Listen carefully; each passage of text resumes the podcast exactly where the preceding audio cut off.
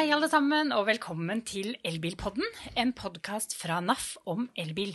Jeg heter Anette Berve. Og jeg heter Harald Wisløff. I fjor sommer, eller før sommeren, så gjorde Ionity seg ferdig med sin første såkalte ladekorridor i Norge. Den nye ladeoperatøren med bilprodusenten i ryggen skulle utfordre Tesla på ladehastighet og Fortum og Grønn Kontakt på antall ladestolper per, per lokasjon. Nå, ett år senere, har vi invitert tilbake den norske Ionti-direktøren for en oppdatering. Vi skal selvfølgelig komme innom et kontroversielt prisnivå på lading, og ikke minst snakke om plug and charge neste generasjon lading. Det blir spennende. Velkommen tilbake til oss, Jan Haugen Ile, regionsdirektør for Ionity i Norden. Takk skal du ha. Det har skjedd mye på det året. Ja, det har gjort det. Vært mye bygging, eh, mye utvikling også, og mye læring underveis. For nå, hvor er dere nå? Da du var her sist, eh, det var jo da i mai i fjor, så var ikke ladekorridoren i, mellom Oslo og Stavanger ferdig ennå. Og du snakket om at målet deres var 400 ladere over hele Europa. Hvor er dere nå? Ja, eller det var 400 lokasjoner, Lokasjoner var eh, over hele Europa, eh, med i snitt eh, seks ladere per lokasjon. Der vi står nå, hvis vi snakker for, for min region, som er Nord-Europa, altså Norden og Baltikum, så ser det ut som at vi skal nå vårt mål i løpet av året. Det kan være et par overhengere. men kan ta litt tid å få strøm i Baltikum. Eh, når vi først er innom det, så har vi åpning neste uke av de første mm, høyeffektsladerne i Litauen. Det er de første som er i Baltikum. Men altså, målet for, eh, for min region kommer vi til å være sånn tolv på plass med i løpet av året. Og så i løpet av neste år så vil det komme på plass for de andre regionene. Det er eh, spesielt kanskje Polen som ser litt tomt ut. Det er fordi der tar det to år å få strøm, så det er grunnen til det. Så mens vi nå eh, er på avslutningen på si, første fase, så jobber vi også med strategien for hva gjør vi etter de første 400. Og det er vel ingen tvil om at det kommer flere. Men bare for å ta dummies-varianten her. Altså, eh, vi har forskjellige operatører i Norge, for å ta Norge, da. Eh, og dere er en operatør. Hva, er det som skiller Ionity fra f.eks. Fortum og Grønn Kontakt og, og andre operatør, ladeoperatører som vi ser langs eh, veien? Ja, Det som skiller oss, er at våre eiere har valgt at vi skal være en sånn såkalt charge point operator. Dvs. Si at vi bygger og drifter ladere, men egentlig ikke står med det siste kundegrensesnittet. Eh, og det er forskjell. Eh, for Fortum, som jeg ledet tidligere, eh, så de både bygger, men de har også en kundeapp, og de håndterer hele kundeprosessen, altså betalingsprosessen. Så de tar begge bitene på det, men vi har fokus på å bygge og drifte laderen. Så egentlig er det sånn at en Ionity-lader kan, kan Navnet på den kan være et annet? Ja, eller, eller i hvert fall det grensesnitt som kunden møter, da. Eh, Det har vi jo sett at Audi får avtale med Audi, Porsche får avtale med Porsche. Plugsurfing har vært noen. I våren har MindGov vært på vinden, som har solgt våre produkter til en eh, hyggelig pris. Og, og sånn vil vi se. Det er forskjellige tilbydere som selger ladetjenestene mot kunden, og så kjøper de ladingen av oss. Aha. Men er dette, dette er kanskje litt komplisert å forklare til sluttbrukeren? Ja, det er det. For de er veldig vant til at det er full pakke. Altså Fortum har det sånn, Grønn kontrakt har det sånn, BKK. Alle i Norge, bortsett fra oss, har det på den måten. Men vi ser tilsvarende modeller fra mobilmarkedet, hvor noen operatører eh, annonserer at du får Telenor-kvalitet på mobilen sin. Og det blir litt det samme. Da er det de som er dem som selger sluttproduktet, men de bruker jo Telenor sitt nettverk på samme måte hos oss. Så du kan ha mobilabonnement fra f.eks. OneCall, og- men så er selve nettet de bruker, det er, kan være Telenor eller Telia eller en annen fysisk operatør, da. Ja, så det er egentlig akkurat det samme oppsettet. Nettopp. Da blir vi kloke på det, Anette. Vi gjør det. Vi skal komme litt mer inn på dette her, men jeg, eh, før vi forlater helt eh, utbyggingen deres og strategien deres fremover, så må vi snakke litt om Dere holder jo nå på å bygge noen nye lokasjoner. Dere er vel i gang eh, på Alvdal nå? Er det det som er den siste dere er i gang med? Yes, det var jo en eh, litt sånn eh, morsom lokasjon, for den, der sendte vi faktisk inn eh, byggesøknaden oktober i fjor. Og så kom NVE og måtte vurdere noen flomhøyder. Eh, og det brukte de fra februar til juni å si for at de brød seg ikke om det allikevel. Eh, men allikevel, det er et flomproblematikk, så man vil se at den vil stå litt høyere enn plassen. Den står faktisk 60-70 cm over resten av bakkeplan, men det blir på linje med den riksveien som går forbi, nettopp pga. at der er eh, flomproblematikk. Det er, ikke, det er ikke bare å øh, sette opp ladere. Det er faktisk en prosess, dette her. Og det er øh, byggesøknader til kommunen, og det, er, og det er faktisk et kommunestyre som kan si nei også, rett og slett. Ja, det, Vi opplevde jo nesten det i Lillehammer. Der tok det så ugudelig lang tid. Eh, så dere ser nå at vi har etablert oss på Øyre isteden. Der var kommunen positivt, og det gikk kjapt. Og da valgte vi det istedenfor Lillehammer. Så det skjer, og det er litt årsaken til at noen av etableringene tar lang tid og også at vi ikke tør å fortelle om ting før vi har satt spaden i jorden, for det kan skje så mye rart. Og det kan faktisk skje etterpå. Kanskje spesielt i Sverige har vi funnet mye rart under bakken når vi etablerer ladere. Ja, en liten pilspiss og alt kjørt? Ja, det kan være tanker, og det kan være forurensninger, og det kan være mye rart som ligger på gamle bensinstasjoner. hvert fall når vi etablerer. Men jeg tror flombeskyttelse, jeg tror den var ny. Den var ny. Så det som dere som drar på Ionity på Alvedal, kan da se en slags sånn upper table med ladere. Yes, der står dere på pidestall, så det er fint. Da får vi fin utsikt. Da er det i hvert fall trygt. Men eh, spørsmålet er jo da også, da du var her sist, så var Dombås fortsatt den nordligste lokasjonen, og det er det fortsatt? Nei. Nei? Klett har kommet. Vi Klett. åpnet Klett for en liten stund siden, som ligger rett syd for Trondheim. Det har jeg ikke fått med meg. Hmm. Der missa jeg på den. Mm. Ja. Skal dere enda lenger nord, da? Ja. Vi får se hva som kommer. Nå er det sånn som jeg sa, jeg tør ikke å si noe enda. Eh, men eh, Norge er langt, så vi får se. Eh, det er jo et ønske å gå videre også. Vi jobber som sagt med, strategien for neste trinn. Og det er jo naturlig å se på, på de også. Det bor mye mennesker nord for Trondheim. Det er mye elbiler der også, blir mer og mer. Så det er jo naturlig å gå den veien etter hvert. Men er ikke bare de som bor der, men også når vi nå ser at vi har lagt eh, bak oss tidenes norgesferiesommer. Og eh, alle i Oslo, tror jeg, og alle på Østlandet dro til Lofoten og til eh, Troms og Finnmark. Så, så trenger, jo, trenger, man jo ladenettverket også for feriene. Hvordan har trykket vært for dere nå i sommer på de stasjonene dere har? Ja, vi kan vel ganske enkelt si at det har doblet seg i forhold til hva som det, altså juli kontra juni. Det er vel litt der det ligger. Eh, og Det ser vi generelt i Europa også, at det er en generell trend. Eh, nå håper jeg ikke at vi får korona hver sommer, men vi ser at mange flere har reist innenfor landene sine. Og vi ser eh, veldig økende bruk. Og det er en del av lokasjonen også. Det er litt sånn, Dombås er jo typisk sånn. Så det er jo litt vanskelig å bygge en kostbar ladelokasjon som skal bare brukes én måned i året. Altså sånn, den gjør jo ikke det, men, men, men ha et ordentlig bruk, da, altså bra med, med, med, bruk som vi trenger for å, å kunne uh, gjøre det regningssvarende, det er jo utfordrende. Så da må vi se kanskje på litt andre modeller, hvordan vi skal bygge for å få til noe der hvor det er mindre trafikk. I hvert fall i første fase. Etter hvert som uh, det blir mer og mer elbiler, så løser jo det seg. Men, uh, men det er noen år igjen. Er det da noen lokasjoner dere ser nå at dere er nødt til å skalere opp, og at ja. dere skal sette opp flere? Det er ja. det. Så vi, det ligger i budsjettet, det. Så det er flere lokasjoner som får flere ladepunkter eh, før neste sommer. Eh, Dombås ligger jo godt an der, faktisk.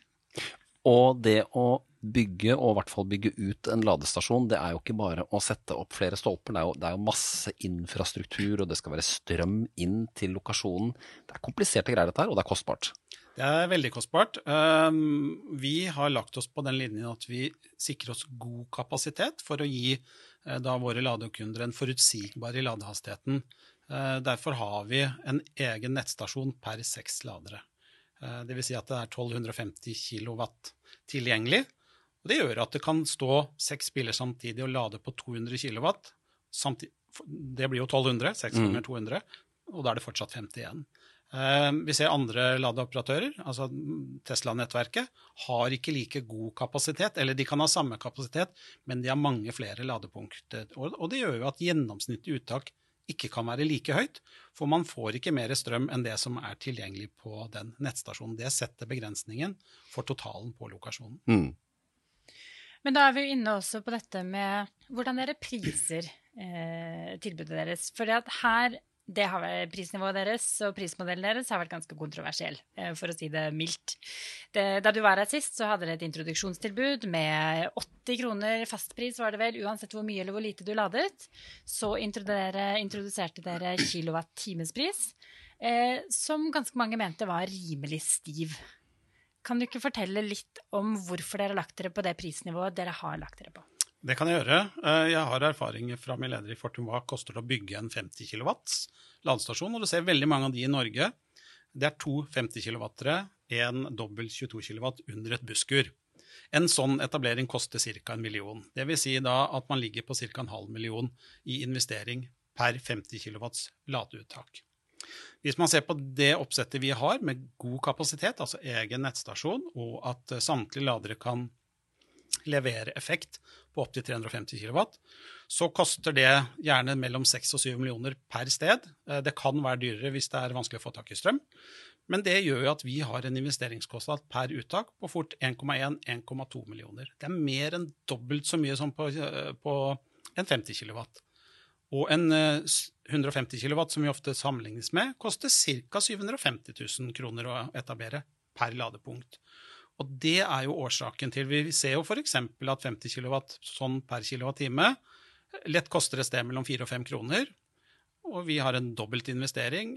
Og i tillegg så er det å ta mye effekt ut av nettet, altså få disse høye uttakene, det har en, noe som heter såkalt effekttariff, som gjør at det er mye mer kostbart enn å la det sakte. Så det betyr, det betyr at dere eh, Det koster dere mer når man plugger i en bil som kan lade veldig, veldig fort, og som tapper masse strøm på kort tid, yes, enn helt... en, en Nissan Leaf som står til en 50 kW-lader. Det er helt riktig. For det, det, nettet som skal levere strømmen, må eh, bygges etter disse toppene. Og det gjør at det å ta mye strøm ut på kort tid koster mye mer enn å ta samme mengden ut over lengre tid. Det blir litt som en, altså Jo tjukkere hageslange du har, jo mer vann kommer det samtidig. Ikke sant? Uh, når den er veldig tynn, så kommer det lite. Den er billig. Men er den stor og tjukk, så kommer det masse. Det koster mer. Mm. Og det gjør at vi har en høyere pris for den strømmen vi kjøper inn. Så det er helt umulig å, altså Man kan ikke sammenligne med, med strømmen hjemme, eh, som koster under en krone, eh, og hva vi måtte betale for strømmen ute. I Norge så er det gjerne rundt et par kroner. Kan være mer, spesielt på vinteren, for da er det enda dyrere enn om sommeren. I Sverige så er det mellom to og fem kroner per kilowattime. Og da når noen spør syns at vi skal selge den for tre kroner, så skjønner man at det blir et tapsprosjekt, eller i beste fall et nullprosjekt på strømmen, og vi får ingen dekning for både utstyret vi har gjort, eh, jobben vi gjør eh, med vårt utstyr for å holde det i drift, osv. Så, videre. så dette her, Det er vanskelig å fortelle forbrukerne dette her. Og hvordan, eh, hvorfor prismodellene er som de er, og hvorfor strømmen koster som den gjør. Og det faktum at dere, skal jo ikke, dere er jo ikke noe barmhjertig samaritan, dere skal jo tjene penger på dette. Det er riktig, men, men, det enkle er at det koster mer enn dobbelt så mye for 350 kW enn 50 kW. Og i tillegg er strømmen dyrere. Da vil det koste mer. Og så sier jo mange da hvorfor bygger dere det nå? Det er jo ingen biler som kan utnytte det. Eh, nei, det er helt riktig. Porsche er vel den som er nærmest. Um, og så har modell 3 kommet med 250. Hundai kommer med 200. Så det kommer flere og flere, så den effekten kommer. Jeg husker når jeg bygde 50 kW, og vi trodde det var veldig bra. Nå er det ingen som vil bruke det på langtur lenger, for det tar for lang tid. Så det å bygge etter dagens behov, da er du bakpå ganske fort. Så vi prøver å ligge mer i forkant og gi god kvalitet. Og da er vi jo der til stede for de som kan nyttiggjøre seg da, av den effekten. Mm. For de som lader, ikke lader fortere enn 50 kW, ja, for dem er det jo både billigere og lurere da, å lade på 50 kW, og det syns jeg de skal gjøre. Mm. Men eh, dette prisnivået, det er jo da den drop-in-prisen. Hva, eh, eh, hva, er det kilowatt-timesprisen ligger på nå? Det er, 9, er det 9,20 eller 9,40? Det er vel er det 840? Eller er det, 8, er det 840 der på nå? Er i Norge, ja. For det er jo da kilowatt-timesprisen for mm. drop-in-kunder. Men så er det jo da en annen pris som er forhandlet frem, eller som du sier, som, uh, som eierne tilbyr til, uh, til sine kunder, eller andre operatører tilbyr til sine kunder. Er det også et poeng her at det skal være en forskjell mellom drop-in-prisene og da prisene som er forhandlet frem til deres kunder, da? Ja, det er naturlig, for, for drop-in er for at da har du ikke gjort noen forberedelser. Du bare stikker innom, og hvis du gjør det noen få ganger i året, så er kanskje det den billigste modellen. Men bruker du litt mer, så kan du få avtale enten med den bilforhandler, og det vil nok komme flere avtaler med andre frittstående også, som kan gi deg gunstigere eh, ladepriser når du lader mer enn det du Eh, enn et, noen, et fåtall, da. Så, ja, til og med NAF-rabatt her ute og går, vet du. Ja. Vi kan jo håpe det. Men er du ikke bekymret for at et sånn type prisnivå virker avskrekkende i en periode der man jobber for å få flere over på elektrisk, å velge elektrisk? Ja, og så kan vi si, Er det vår som lade, er det vårt ansvar som ladeoperatør å bidra til det? Der tenker jeg det offentlige må bidra. Og Det aller viktigste der er jo innkjøpsprisen. At, at de er konkurransedyktige på pris. Jeg tenker at selve ladeprisen gjør ikke så mye. For vi må, hvis vi ser dette i et perspektiv over et år, så vet vi at uh, veldig mange lader 80, kanskje 90% hjemme til under en krone kilowattime. Hva du egentlig betaler da på de få langturene du har, betyr veldig lite for det totale regnskapet ditt for elbilen. Uh, så jeg er egentlig ikke bekymret for det. Jeg ser at uh, bruken er økende. Det kommer mer og mer biler. Uh, vi kommer nok til å ha mer enn nok med å gjøre med å, til, med å dekke etterspørselen i markedet totalt sett. Og så vil det være da forskjellige produkter med forskjellig kvalitet og forskjellig pris. Det ser vi andre steder også. Så nei, jeg er ikke bekymret for det. Kom, men da er det vel kanskje sånn at vi kan konkludere med, konkludere med at den prisen den kommer ikke til å gå ned?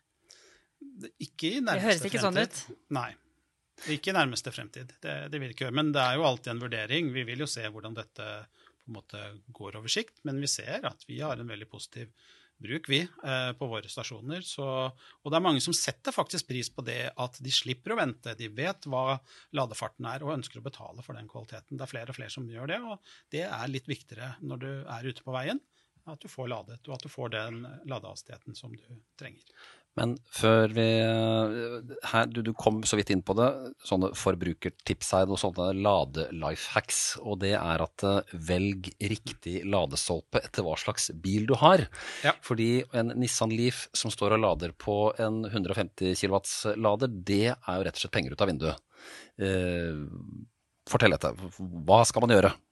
Ja, Det er jo å bli kjent med bilen din finne ut hva den kan nyttiggjøre seg, og velg da riktig. Jeg ser det eh, på de ladestedene, eh, andre ladesteder hvor det er valg, da, typ Fortum, hvor det står 150 kW og 50 kW, og så står Leafen på 150 kW og betaler en dyrere pris enn det han behøver. Og selv når du sier ifra at du, det kan være lurt å ta, så bryr ikke folk seg. Så det viser jo egentlig litt også at når de er ute og kjører og trenger lading, så har ikke prisen så mye å si. Det teller litt mer når du sitter hjemme i sofaen eller sitter og skriver på Facebook. Men poenget her er jo at en Nissan Leaf den takler opptil 50 kW, og, og, og, da er det jo ikke noe vits å koble seg til en 150 kW hvor strømmen er dyrere.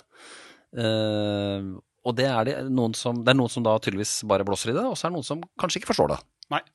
Vi vet jo at på bensinbilen, når de kom med blyfritt, så måtte de lage et litt tynnere hull og en annen pistol, for, for de måtte tvinge folk til å gjøre det. Nå er det samme ladekontakten, og du klarer ikke å gjøre feil, heldigvis.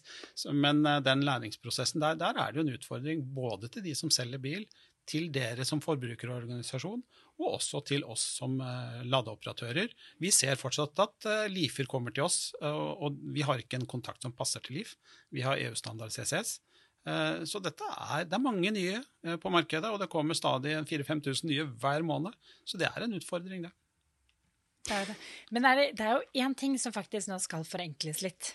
Og det var jo noe du hintet om da du var her forrige gang. Eh, for da, kom, da nevnte du at mest sannsynligvis innen julen 2019 så skulle den første modellen som hadde noe du kalte plug and charge, komme på markedet. Eller håpet du, da.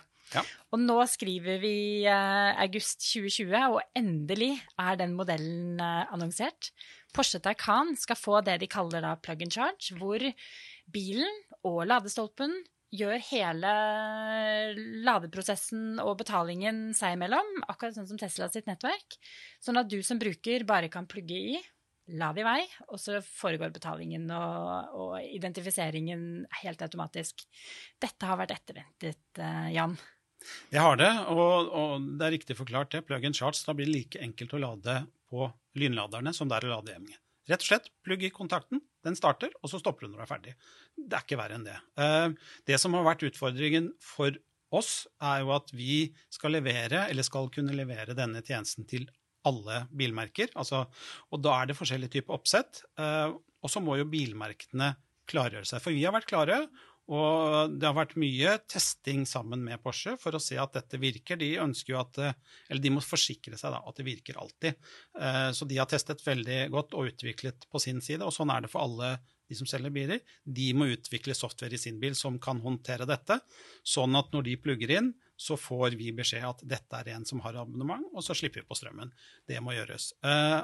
At Tesla har hatt dette lenge, er ikke veldig rart. Og heller ikke så spesielt imponerende. De leverer til én bil. Det hadde vi i Fortum også. Vi hadde sånn at vi bare plug and charge der før vi tok betaling, og det er ikke vanskeligere enn det.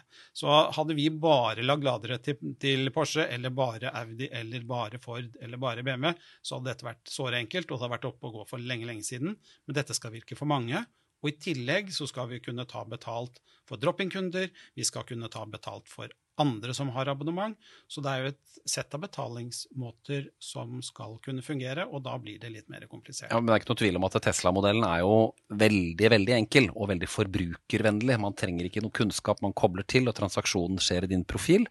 Eh, og så sier du jo det er jo enkelt å lage dette når man både sitter på ladenettverket og, og bilen og programvaren, og litt sånn Apple-prinsippet, som har hånden og bukten og begge hendene. Eh, men, hva, er liksom, hva, hva, er komplisert med å rulle ut dette til Som forbrukerne sier, kan ikke alle biler ha det sånn? Uh, er det programvare som er mye av, av, nøkkelen, ikke sant? Det er programvare som må snakke med hverandre, og så må det sendes informasjon. For det, det skjer jo en fakturering i etterkant. Altså Porsche må betale oss for at noen har ladet, og så må de fakturere sin kunde. og Det høres jo sånn sett enkelt ut, men, men det er denne kommunikasjonen også som skal virke hver gang. Og, og, det må på plass. Men det kommer mer og mer, og det er ingen tvil om at det er riktige veien å gå. Uh, jeg har alltid sagt at hvis et barn på tolv år klarer å lade, da har vi kommet på riktig nivå for lading. Uh, for det er, uh, det er, nytt for mange. Vi møter Tesla-kunder som prøver å plugge inn hos mm. oss og tror, skjønner ikke hvorfor det ikke er lades. Vi, vi må gjøre det så enkelt som overhodet mulig.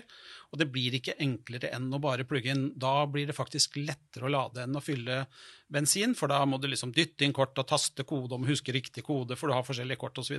Det er, eh, kan gå gærent noen ganger, eh, og du må faktisk huske, passe på at det er riktig eh, kontakt, ikke, eller riktig pumpe, så du ikke fyller bensin i diesel og motsatt. Her blir det enda enklere, og det syns jeg er kjempebra. Veldig bra at noen kommer, og de flere kommer etter det, og da blir det enklere å være forbruker, og det er jo målet. Sånn at det blir nesten sømløst, og da blir brukeropplevelsen mye bedre. Så jeg er veldig glad for at dette kommer nå. Det var vel kanskje ikke en overraskelse sånn sett at det var Taycan som fikk denne teknologien først. Nei, det var det vel neppe. men, eh, men, samtidig så holdt jeg en liten knapp på at Audi E-tron eh, skulle få den. Er det noen av disse andre merkene fra da spesielt eh, VAG da, som du nå kan fortelle at også får denne plug in charge-teknologien snart? Eh, når man har jobbet en stund sammen med bilprodusenter, så blir man kjent. Det er mye konfidensialitet. Svaret måtte begynne sånn. ja. Nei, men de vil slippe nyheter når de kommer, og jeg må bare forholde meg til det. Og det er det jeg kan si. Så når de har sagt ting offentlig, så kan jeg også gjøre det. Så ja, nei, det, det, det må de komme med når de kommer. Men det sto en oppfølging i en artikkel at Audi er like rundt hjørnet, kanskje også i det tre, så det høres jo positivt ut. Det, det er det jeg har lest. Det er det jeg kan si. Det er ikke noen grunn til å tro at det kommer til å ta lang tid. Her eh, kommer flere til å hive seg på. Eh, så får man da innse at det er den, den dyreste bilen som begynner først. Det er kanskje ikke så rart heller. Nei, det var vel ikke en overraskelse. Nei. Men er ikke det litt gøy, Jan? Som du sier, du har vært med fra, har vært med fra jeg tror vi kan kalle det litt tidenes morgen eh, når det gjelder å bygge den infrastrukturen. Og nå er vi faktisk der hvor vi er på plug and charge-teknologien. Eh, det er jo litt gøy at vi endelig har begynt å komme opp på det nivået der, og at det begynner å bli enda mer brukervennlig og for folk flest. Det syns jeg er helt topp, og det, det, er, det, er, moro å se, eh, faktisk. Å se alle, eh, å se alle forskjellige typer mennesker. Da. Det er liksom Alle forskjellige typer mennesker kjøper elbil, og det er stor interesse. og det, nei, det er virkelig gøy å ha vært med i markedet. Jeg har vært der snart nå i ti år, og det har skjedd ekstremt mye på de ti årene. Så det har vært ja, for, for nå, Jan, så nå er vi, eh, vi er over entusiastfasen for elbil nå er det jo den vanlige bilkjøperen, vanlige forbrukeren, som eh, ikke kjøper elbil fordi det er elbil, men fordi elbil er smart å kjøpe. Og da skal sette seg inn i dette her. Og nå sier jo du at, eh, og det har vi for så vidt snakket om flere ganger her i Elbilpodden også, når blir ladingen enklere enn å fylle bensin og diesel? Og nå nikker vi opp på det, ikke sant? Ja, plug-in charge er enklere. For da, er ikke, du slipper å huske på kode. Det er bare liksom plugge inn. Det, det, blir som å lade mobiltelefonen, og det, dit, det, har vært målet hele veien, rett og slett. For, for da er ikke det noe hinder lenger. Da tenker jeg, Før vi runder av, så tenker jeg da skal du få lov til å komme med hva er de tre punktene, eller de tre utfordringene, som nå må adresseres når vi nå går videre og skal ha med oss enda flere over i den elektriske verden? Hva er de tre hovedutfordringene som du tenker at dette må ordnes opp i for at dette skal være et univers og en hverdag som passer for alle? Ja, det ene er at vi beholder, altså vi det, eh, beholder prisnivået konkurransedyktig for bilene. Det tror jeg er det aller, aller viktigste vi må gjøre. Fordi når folk skal kjøpe seg en bil, så har de et budsjett, og så ser de hva det er det beste de kan få for det budsjettet. Og hvis elbilene, det ser vi i de andre landene hvor det er dyrere, så blir ikke det så ofte valgt.